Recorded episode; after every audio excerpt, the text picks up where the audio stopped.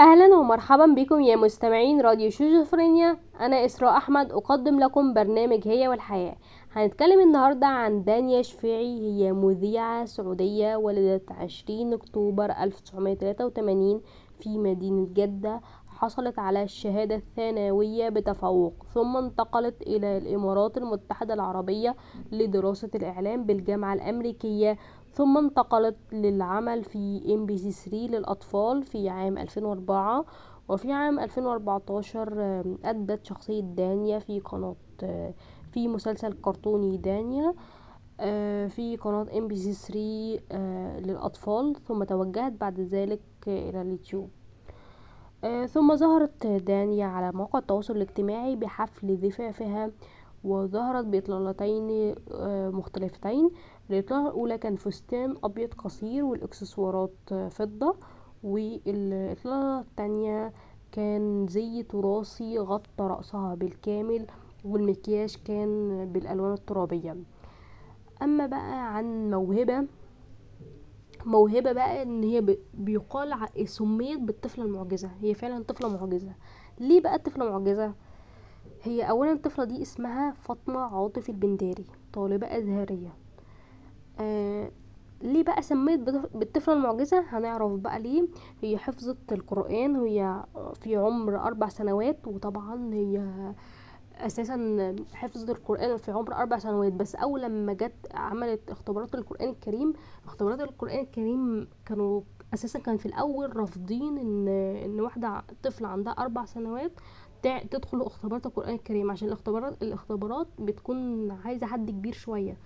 فهم طبعا أهلها طبعا حاولوا بقى وقعدوا يسعوا في الموضوع وقعدوا يحاولوا يحاولوا آه لغاية آه لغاية بقى اما أما اختبرت بقى وبعد كده ختمت القرآن وهي عندها أربع سنوات وبعد كده قرأت بقى ست ست آلاف كتاب منهم الفلسفة والعلوم التطبيقية والعلوم البحتة والأدب ولفت نظرها من الكتب دي كان كتاب الله للدكتور مصطفى محمود وده جعلها تعبد ربنا على المحبة يعني بتحب ربنا يعني بتصلي عشان بتحب ربنا مش مش عشان خايفة منه.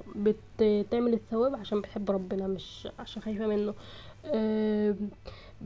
بتعمل أعمال خير عشان بتحب ربنا يعني كده يعني. وده بسبب إيه بقى؟ بسبب إن. إن الكاتب اتكلم عن ربنا بأسلوب رائع في الكتاب جدا. يعني كتاب حلو قوي. الجوائز بقى اللي حصلت عليها هي حصلت على المركز الأول في مسابقة مشروع القراءة الوطني. أما بقى الموهبة التانية الموهبة التانية هي ملك هاني.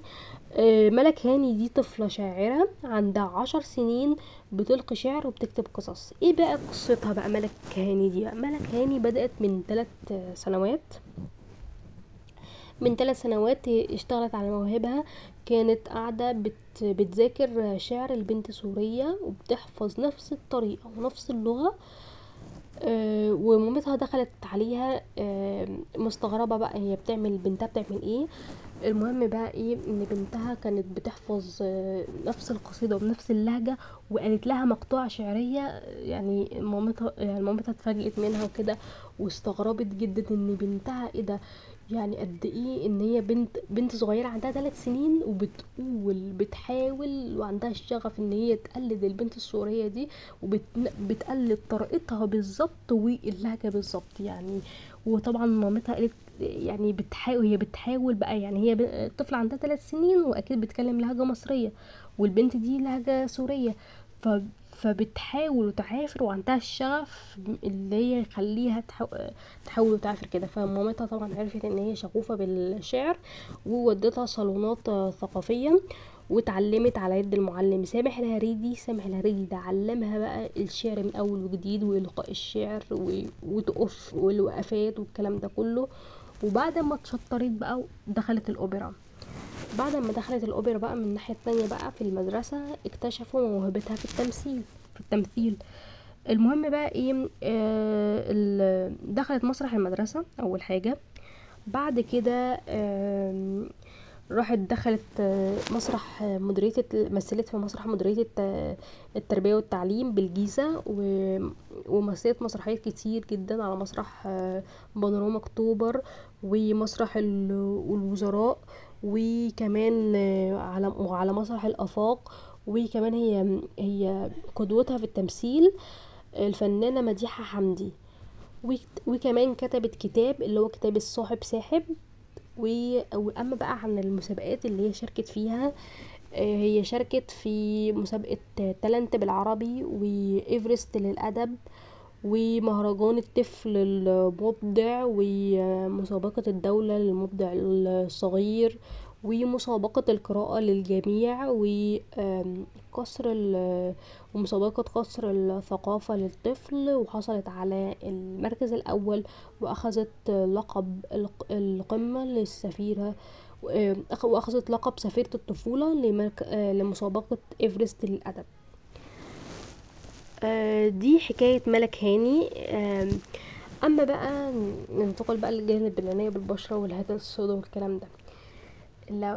مشكلة الهالات السوداء بقى اللي تحت العين أول حاجة أنا هقول على ماسك هو هو حلو وبيجيب نتيجة كل حاجة بس في يعني في شوية عادات كده لازم نتخلص منها عشان آه، الماسك ده يجيب نتيجة. أول حاجة العادات دي هو الابتعاد عن السهر والتوتر والضغوط النفس والضغط النفسي. يعني مثلا التلاتة دول هم أساسا بيجيبوا الهالات السوداء. الهالات السوداء بتيجي من دول. فلازم بقى تتخلصي من ال ال- السهر والتوتر والضغط النفسي. دول تلات عادات لازم نتخلص منهم. بعد كده بقى بنعمل الماسك. الماسك اللي هو إيه؟ اول أول حاجة الماسك ده بيتخزن. يعني هنجيب نص معلقة كبيرة من عصير الخيار يعني هنجيب نص خياراية نهرسها نحطها في بولة ونص معلقة كبيرة آه، من الجل الألوفيرا ونص معلقة صغيرة من العسل ونص معلقة صغيرة من آه، زيت اللوز وماء الورد و وكمان ونخلطهم مع بعض لغاية ما يتج- يتجانسوا كده. وبعد كده نحطهم في ال... في برطمان ونغطيهم ونسيبهم في التلاجة لمدة خمسة وعشرين يوم. بعد كده بقى هنطلعهم بعد خمسة وعشرين يوم نحطهم قبل النوم آه، يوميا. بس هرجع وأقول تاني إن الماسك ده لازم آه، نتخلص من التوتر والسهر والضغط النفسي من التلات عادات دول عشان نعمل الماسك. وبكده تكون انتهت حلقتنا من برنامجنا هي والحياة. كانت معكم إسراء أحمد من راديو شيزوفرينيا.